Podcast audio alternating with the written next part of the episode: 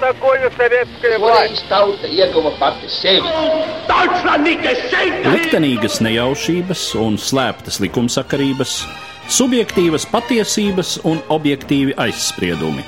Pēc atkušņa nekad nenāk uzreiz pavasars, bet sākās Arī šodien cilvēki ir ļoti tuvredzīgi. Viņi redz to naudu, kas ir. Televīzijā jau pamatā notiek cīņa par varu. Pagātne no šodienas skatu punkta un šodienas caur pagātnes prizmu. Raidījumā šīs dienas acīm. Katru svētdienu Latvijas radio eterā Eduards Liniņš. Labdien, cienījamie klausītāji! 1915. gada 15.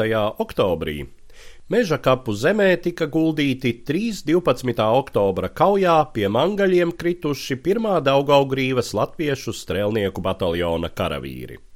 Rīdzinieks Jēkabs Timma, Valles pagasta zemnieks Andrejs Stūre un lietuvietis no Zarasu apriņķa Jons Gavens. Ar šo datumu tādējādi iesākās Rīgas brāļu kapu vēsture. 23. oktobrī dažādu jomu eksperti pulcējās uz Rīgas pieminekļu aģentūras organizētu zinātniski praktisku konferenci, kas bija veltīta brāļu kapu vēsturei, šodienai un nākotnei. Piedāvāju jums ieskatu dažos Rīgas brāļu kapu vēsturei veltītajos priekšlasījumos. Vispirms fragments no brāļu kapu komitejas priekšsēža arhitekta Eižena Upmaņa priekšlasījuma, kas bija veltīts brāļu kapu pirmsākumiem. Sāksim ar to, ka Pirmā pasaules kara laikā Krievijā ļoti aktīvi tieši kara pirmajos mēnešos un gadā attīstījās domas par to, ka ir nepieciešams veidot memoriālus, kur pēc tam, pēc ātri uzvarēta kara, varēs eh, tātad patriotiski audzināt nākamās paudzes. Krievijas impērijā bija ļoti nosvara tieši kritušo karavīru konfesionālā piedarība. Ar latviešu strelnieku bataljonu izveidošanos radās nepieciešamība pēc apbedījuma vietas tieši luterāņu ticības eh, kritušajiem.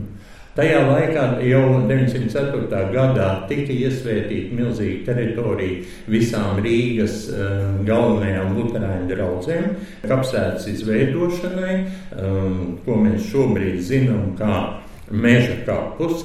Un šajos meža kapos kapu pārvalde, kas bija Vācu draugu pārvalde, uzreiz atvēlēja 146 vietas luterticīgo kritušo apbedīšanai. Tādā veidā radās pirmsākumi šobrīdējiem Rīgas brāļu kapiem, un no paša pirmsākuma, kā mēs redzam, pašas pirmās skices jau veidoja Andrejs Zeidaks. Viņš viņus veidoja pēc Latviešu strēlnieku bataljonu organizācijas komitejas lūgumu un veidoja bez samaksas tīri aiz patriotiskiem teiksim, apsvērumiem. Vēlākā laikā, protams, ņemot vērā frontes stāvokli un kritušo daudzumu, attīstījās šī teritorija mežkapu vienā atsevišķā zonā, un kopš paša pirmsākuma Zeidaks uzturēja šo kārtību, lai šie kapi būtu piesaistīti ceļam, ir izēja tieši uz tagadējo varoņielu, toreiz Milgrāvu ceļu Un e, mēs varam teikt, ka šī e, vieta attīstījās tīri un tieši ar Zēdaka domas skaidru tālāko virzību. Un jau 1918. gadā mēs redzam, ir praktiski izveidojusies tā pamatstruktūra, kuru mēs brāļu kapos pazīstam jau šodien. Zēdaks ir e, pirmais šo te kapu autors, viņš ir viņu izveidotājs. Un kā mēs tūlīt redzēsim, stingri neatkāpjas no šīs līnijas, neļaudams daudz arhitektiem un māksliniekiem izplūst idejās. Jau 1920. gadā, tiklīdz beidzās brīvības cīņas pēc ministra prezidenta Kārļa Ulmaņa rosinājuma izveidojās pirmā brāļa komiteja kā struktūra, kurai vajadzēja rūpēties tālāk par kritušo Latvijas brīvības cīnītāju statuses vietām. Tajā bija valdības pārstāvi, tajā bija izcils um, personības, kā piemēram Andrejs Zeidaks un daži arhitekti un tēlnieki, sabiedrisko organizāciju pārstāvi, bet principā tā bija valdības organizācija, kur visu valdību iegāja iekšā.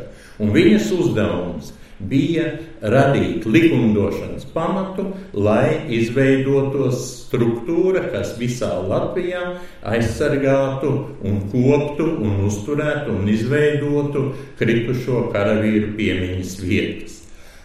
Pēc diviem gadiem ministra prezidents Mirovics ierosina pārveidot šo organizāciju, jo faktiski valdības funkcijas ir veiktas, ir radīta likumdošanas bāze, Un tālākai efektīvai darbībai valstī ir nepieciešams cits modelis. Nevis valsts augstāko amatpersonu piesaistīšana šajā darbā, bet gan visas tautas piesaistīšana. Un tādēļ radās restruktūrēta brāļa komiteja 1922. gadā, kurā var iestāties ik viens Latvijas pilsonis, ik viens, kas vēlas piedalīties šajā darbā. Tur ir ģenerālis Balons, arhitekts Pauls Kunziņš, eh, strelnieku bataljona organizētājs Jānis Goldmans. Mēs viņus redzam pirmajās rindās. Un uh, pirms vēl kaut kādi konkursi attīsta uh, tālāko brāļu kapu iekārtošanas veidolu, jau Zēdaks ir izveidojis šo te pamatplānu. Vispār šo struktūru viņam apstiprina jau pirmā brāļa komiteja, tā, kurā ir faktiski visa valdība iesaistīta. Un 22. gadā mēs redzam jau Zēdaka izstrādāto šo plānu. Brāļa komitejas eh, pirmsākuma arhīvos atradu izklāstu, kā Zeidaks filozofiski pamato brāļu kapu ainavisko veidolu. Kapu plānu Viņš lūkojas izveidot pēc visām mūsu tautas tradīcijām. Un, ja kas nesaskan ar tām, tad tur ir atkal bijuši savi stipri motīvi. Piemēram, kritušie rakti rindās, kas gan nesaskana mūsu parašām. Tomēr šeit ir vadījušies no tā viedokļa, ka rindās gājuši mūsu strēlnieki pretī ienaidniekam. Tādēļ arī rindās tiek guldīti, lai netraucētu uz mūžu noslēgto kopību. Tāpat, lai netraucētu šo vienoto brālības sajūtu, visi ir domāti sekt zem vienas zaļas velēnas. Daži piederīgie gan vēl paši vēlas kopt kapu un taisa atsevišķas kapu kopiņas, kas gan traucē vispārēji iespēju, tomēr netiek liekts, jo ar laiku tas pats par sevi izzudīs. Kapu izkopšanai lietoti tie elementi, kuri latvieti viscaur dzīvē ir pavadījuši. Tas ir ziedi, zaļumi un saule. Senais latviečs mīlēs sauli, tamdēļ arī kritušiem tā nav liekta jo kapi ir kā saules plankums meža vidū, kas to sedz no visām apkārtējām drūzmām, lai tie mierīgi netraucētu varētu dusēt. Tagad arī kapsētā vēl atsevišķs ceļš, kurš tiks pušķots ar liepu alejām, bet uz paaugstinājumu domāt celt pieminekli, kurā pēnos ozolu birze, kas latvietim pazīstam kā svētums un spēks – Liepas simbols ir maigums, ozola spēks, tātad caur maigumu pavadīti līdz spēkam. 23. gadā tātad Brāļa komiteja pieaicina māksliniekus konkursam, uzvar uh, Kārlis Zāle. Un eh, šeit ir tas moments, kur mēs redzam, ka pašā centrā šis mātes tēls Un kā centrālais piemineklis Zeidaks rakstīja, ka pašā vidū mēs uz paaugstinājumu celsim pieminekli. Zāle tādā veidā arī to izveidoja. Ja? Bet te rodās tā problēma. Mātei ar savu piemiņas un sargājošo žestu ir jābūt pagrieztai pret mirušajiem. Un izrādās, ka viņi stāv ar muguru pret tiem, kas ienāk kapos. Šī um, nu, nesakarība, nesakritība varbūt uh, tiek atrisināta ar vienu citu brāļu kapu uh, autora, arhitekta Pētera Federa, toreiz vienkārši žūrijas locekļi, vēlāk brāļu kapu komitejas tehniskās komisijas vadītāji, vienkārši rokas kustība. Viņš tajā ģipša modelī pēc leģendas paņem šo mātes tēlu un vienkārši pārceļ visas kompozīcijas galā un saka, ka varbūt tā vajadzētu. Un viss nostājas savās vietās. Un 23. E, gadā Brāļkapa komiteja apstiprina lūk šādu jau galīgo risinājumu. Brāļkapa izveidēja 24.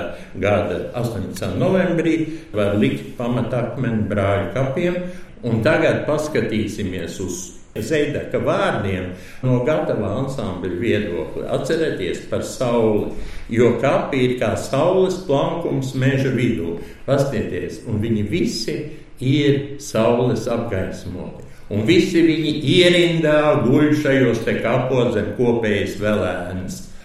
Un 36. gadā šie darbi noslēdzās jau ar šīm vienotām rindām, kad brāļkapa komiteja ar priekšrakstu liek noņemt visas, visas individuālās piemiņas zīmes, lai veidotos kopējs ansamblis.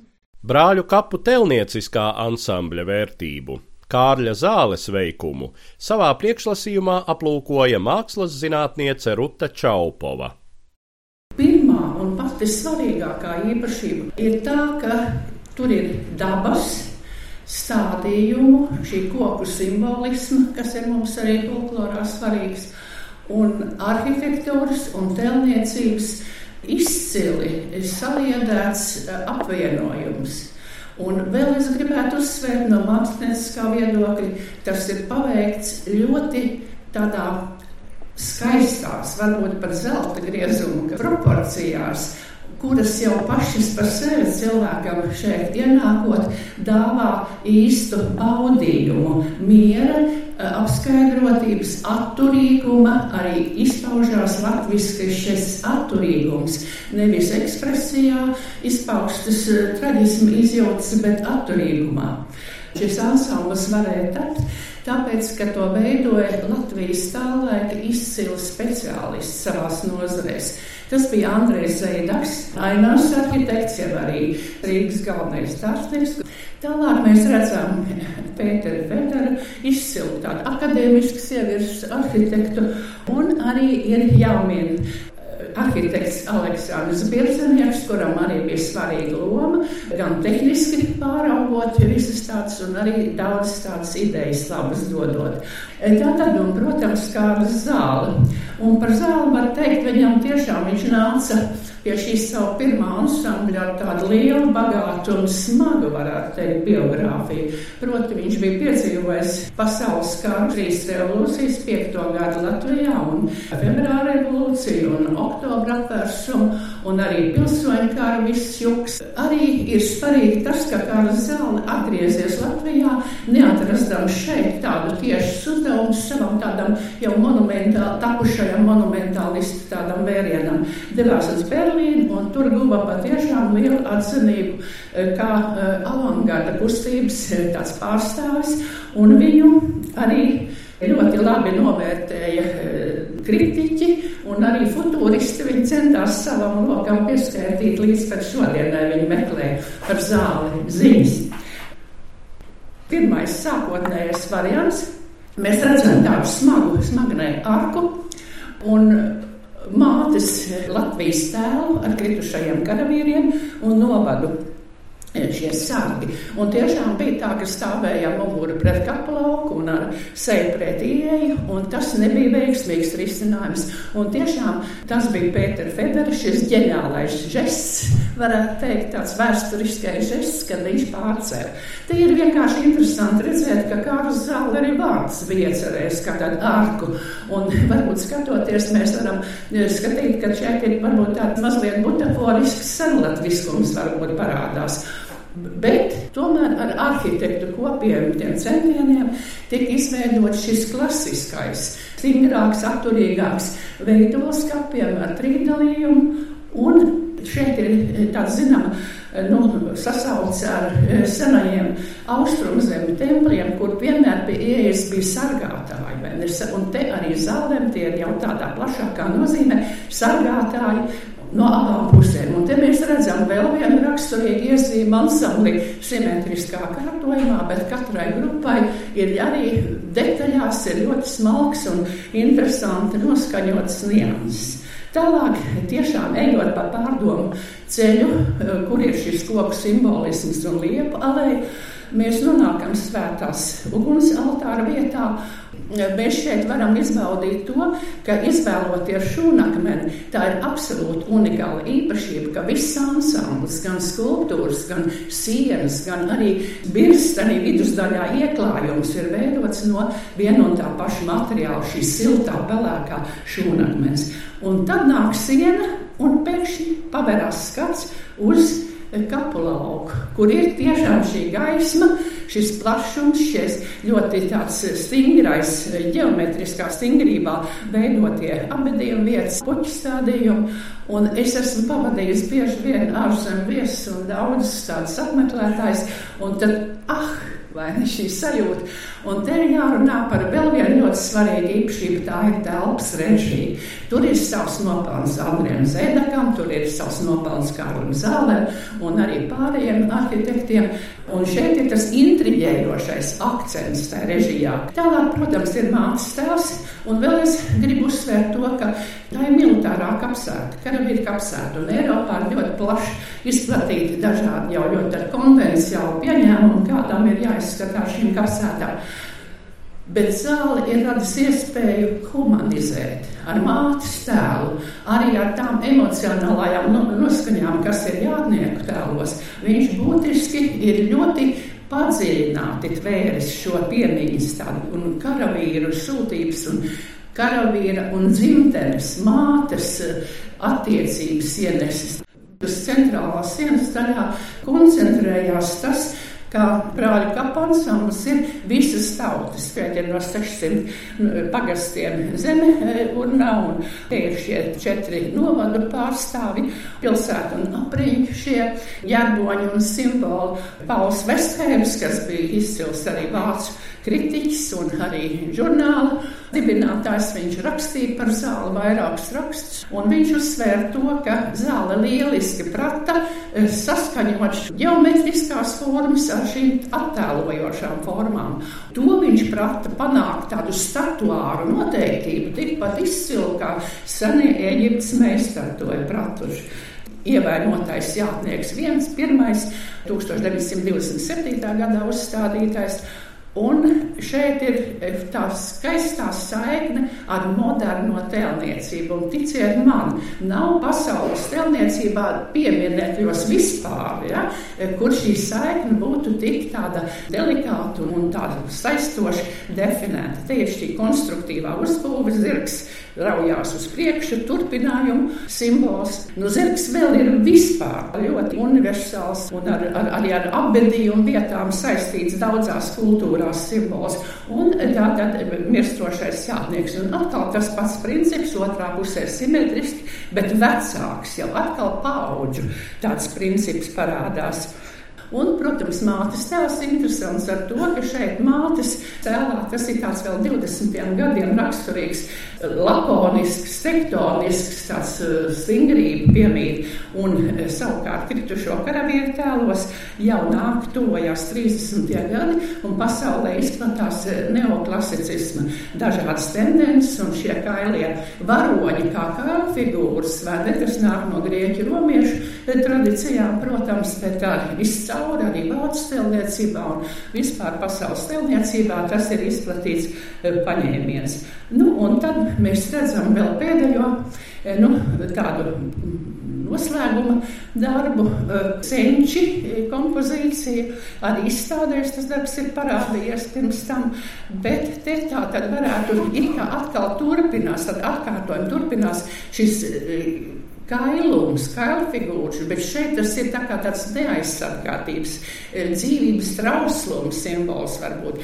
Un savukārt varētu domāt, ka tas e, lokšāvējs ir, ir vecāks, nu, cīņu biedrs, bet ir arī, nu, pavīdējis sevišķi vēl zāles tādā arī pieminējumos, ka tas ir arī liktenis, kurš raida nākotnē šo karavīru piemiņu. Savukārt brāļu kapu komitejas valdes loceklis vēsturnieks Arnis Āboltiņš pievērsās Rīgas brāļu kapu vēsturei pēc Otrā pasaules kara, kad padomju Latvijas kompartija centās pielāgot šo tautas svētvietu savām ideoloģiskajām nostādnēm.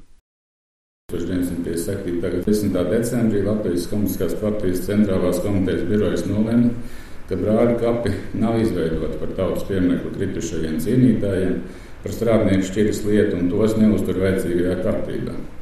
Un uzdod Latvijas PSR ministra padomē citēji pārvērst brāļu kapus par tautas pieminiektu latviešu strelniekiem un pārcelt no citām vietām uz šiem kapiem dažu par padomju dzimtenes brīvību un neatkarību kritušu strelnieku un Rīgas atdzīvotāju kapus. Latvijas PSR ministra padomas 58. gada māja lēmumā ir ierakstīts, ka Brāļa kapa Rīgā uzskatām par arhitektūras pieminiektu un uzliek par pienākumu Latvijas PSR ministra padomus celtniecības un arhitektūras lietu valsts komitejai pārņemt to valsts aizsardzībā. Bet Rīgas pilsētas izpildu komitejai turos līdz 1958. gada jūlijam pārvest uz brāļa kapiem un tur svinīgi apbedīt strelnieku varoņus, kas lielā tēvijas kara gados krituši cīņās par sociālistiskās dzimtenes brīvību un neatkarību un apbedīt citās vietās. Tādējādi ir teikt, ka simbola asimilācija ir sākusies. 1958. gada 22. jūlijā Rīgas brāļa kapos centrālajā kapu laukā svinīgā ceremonijā apbedīja 12 sarkanās armijas latviešu vienībās dienējošo mobilizēto Maskavas vienīgās apgabalos kritušos karavīrus, 9. otrā pasaules kara laika partizānus un Latvijas atbrīvošanas kara laikā acis silā pēc piegošanu nošauto tā laika sarkanās armijas sevišķās nodaļas priekšnieku Ceremonija beidzās ar mūžīgās uguns aizdedzināšanu ar lāpu, kas apvērst no Marsas laukuma Leningradā. Var tikai apbrīnot Rīgas pilsētas izpildu komitejas spēju divu mēnešu laikā sastādīt pārapgadījumā personu sarakstus. Tā, lai tajā būtu pārstāvēti gan politvadītāji, bijušie čekisti, gan sarkanās armijas virsnieki un virsnieki bijušie sarkanie latviešu strēlnieki, gan virsnieki tankisti un Spānijas pilsoņu kara dalībnieki, gan partizāni komjaunieši, partizāni bijušie latviešu strēlnieki, partizāni spridzinātāji, arī profesors, kara inženieris un komjaunietis sanitāri divīzijas avīzes līdzstrādnieci. Vēl vajadzēja norganizēt arī ekshumāciju, identifikāciju un pārabedīšanu. Viņi visi pārsvarā bija Krievijā, Nīderlandes apgabalā un arī Maskavā bedīja. Rakstā literatūrā un mākslā 58. gada jūlijā Latvijas PSR kultūras ministrs Kalpiņš norāda, citēja, Brāļa kapa pieder revolucionārai rāmniecībai un nevienam citam. Tiesa ir tajos kapu kops, kurās aprakt vai netaisni lietu kritušie. Vai nu apmāti vai apstulbot, vai arī pabeigdzināti, vai šķirai apzināti piederīgi būdam, viņi ir kļuvuši savus tautas ienaidnieki.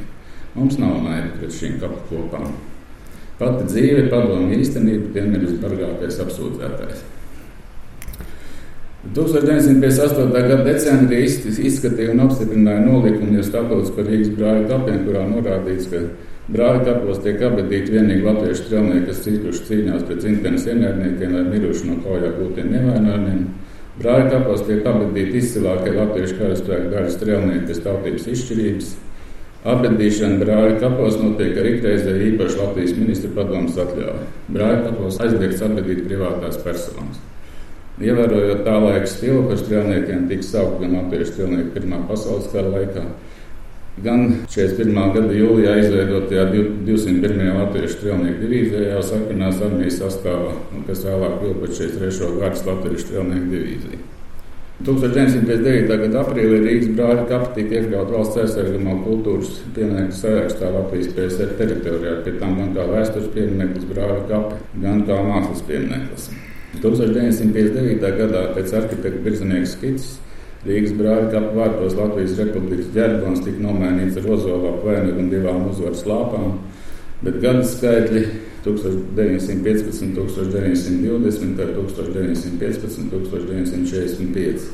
Un drīz tiek aizmūrēta reliefā krustazīme mācas Latvijas pieminekļu pamatnē, palīdz tam svinīgos brīžos sniedz aizpārt ar Latvijas PSR karogu.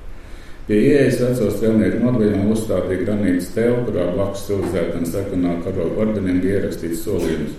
Latviešu sarkanie strēlnieki jūs varonīgā cīņa par padomju varu mūžam dzīvos tautas atmiņā. 1961. gada novembrī kultūras ministrs atkārtot paskaidro sīkāk savu viedokli par brāļu kapiem vēsturiskā izziņā, kas tiesa ir sastādīta Krievu valodā. Citēji, buržāzijas kundzības 20 gados par godu būt atradītiem brāļu kapos piedāvāja tikai buržāzija. Vācu okupācijas laikā pašos brāļu kapos tika apbedīti fašisti pārākajā pakāpē, krieviski tas saucās Mahrovija fašisti. Pulkvedis Veiss un ģenerālis Gopers. Viņa kapu plāksnītēs tagad ir notīrīts teksts un pusotras desmit bijušo latviešu esastiešu un policiju, kur gan apbedīti pa kreisi nozola alējas. Acīm redzot, domāt, ir šie uzlidojumā kazarmā bojā gājušie gaisa spēka izpalīgi. Pēdējos gados tika noņemtas daļas no buržāziskā perioda kapu plāksnītēm. Pamazām neceļot lieku troksni, būtu nepieciešams notīrīt tekstu vai vispār noņemt dažas kapu plāksnītes. Tāpat nepieciešams veikt Latvijas Republikāniskās turisma un ekskursiju pārvaldes ekskursijas vadītāju Atpūtas namu un sanatoriju ekskursiju vadītāji rūpīgi pārbauda, lai pārbaudītu, cik politiski un vēsturiski pareizi viņi atspoguļo savos skaidrojumos notikumus, kas saistīti ar Rīgas brāļu kapiem. Tādējādi revolucionārā cīņa ar buržāziskajām paliekām Rīgas brāļu kapos bija noslēgusies. Vēlākos gados Rīgas brāļu kapos vēl tika pārabedīti gan partizāņi, Vēl varētu atzīmēt to, ka 1964. Eh, gada septembrī uz Rīgas brāļu kapiem tika pārabedīti 65 zināmi un 74 nezināmi sarkanās armijas karavīri no Raini kapiem, kas bija krituši un miruši no 1964. līdz 1947. gadam. Kā arī Padomju Savienības varonis Sidors Stridnīs no karavīra kapsēts Rīgas rajona robežu cienu padomē. E, salīdzinot pieejamos pārabadīšanas sarakstus un datus uz esošajām kaplauksnēm, var secināt, ka e, karavīri zināmie tika apbedīti lielajā kaplaukā, centrālajā, bet nezināmie veco strēlnieku nodalījumā viņa vārdi tika noskaidrot vēlāk. 1980. gada janvārī pa kreisi no galvenā ceļa abadīja Rīgas brāļa kapu izbūves arhitekta Aleksandra Birznieku un blakus vēlāk abadīja arī viņas sieva un birzniece. Vēlāk no birznieka ģimenes kapu uz galveno vārtu pusi ierādīja kapavietas partijas un militāriem veterāniem. 1981. gadā bija sākta Latvijas kompartijas veterānu, kā arī personālā un militāro pensionāru abadīšana Rīgas brāļu kapos pa kreisi no galvenā ceļa. Abadība notika pēc Rīgas pilsētas rajona Latvijas komunistiskās partijas komitejai, kā komisariāta iesniegumu Rīgas pilsētas izpildu komitejai labiekārtošanas pārvalde. Un labiekārtošanas pārvaldes ražošanas daļas priekšnieks ar savu rezolūciju norādīja, vai attiecīgā persona apglabājuma Rīgas brāļa kapos vai pirmajos meža kapos, tā saucamā vecā bolševika kalējā, aiz Rīgvāča kapu un pieminiekta. Kāda tur tā gradācija, ja atlases principu, to es nemāku teikt. Pēc Rīgas pieminiekta aģentūras datiem līdz 1989. gada vidum Rīgas brāļa kapos atradīts 473 dažādi kalnu cīnītāji un cīnītājs par padomju varu. 1989. gadā Latvijas PSR valsts kultūras komitejas priekšsēdētājs Raimons Pauls lūdza Rīgas pilsētas tautas deputātu padomus izpildu komitejas priekšsēdētāju Alfredu Rubiku izbeigt jebkuru abadīšanu Rīgas brāļu kapu ansambļu teritorijā. Acīm redzot, lūgums tika izpildīts, ievērojot tā laika politisko situāciju. Un visbeidzot, neliels fragments no vēsturnieka, kara muzeja direktora vietnieka Jura Ciganova priekšlasījuma. Rīgas brāļa kapi ir izcila sakrālās mākslas un arhitektūras pērle, un arī mūsu valsts galvaspilsētas roti. Šos kapus var saukt arī par Latvijas vēstures varonīgo un traģisko lapspušu liecinieku. Rīgas brāļa kapi jau sen ir pārāguši savu sākotnējo uzdevumu un no atusas vietas par valsts brīvību kritušajiem karavīriem ir kļuvuši par vienu no nacionālās neatkarības simboliem.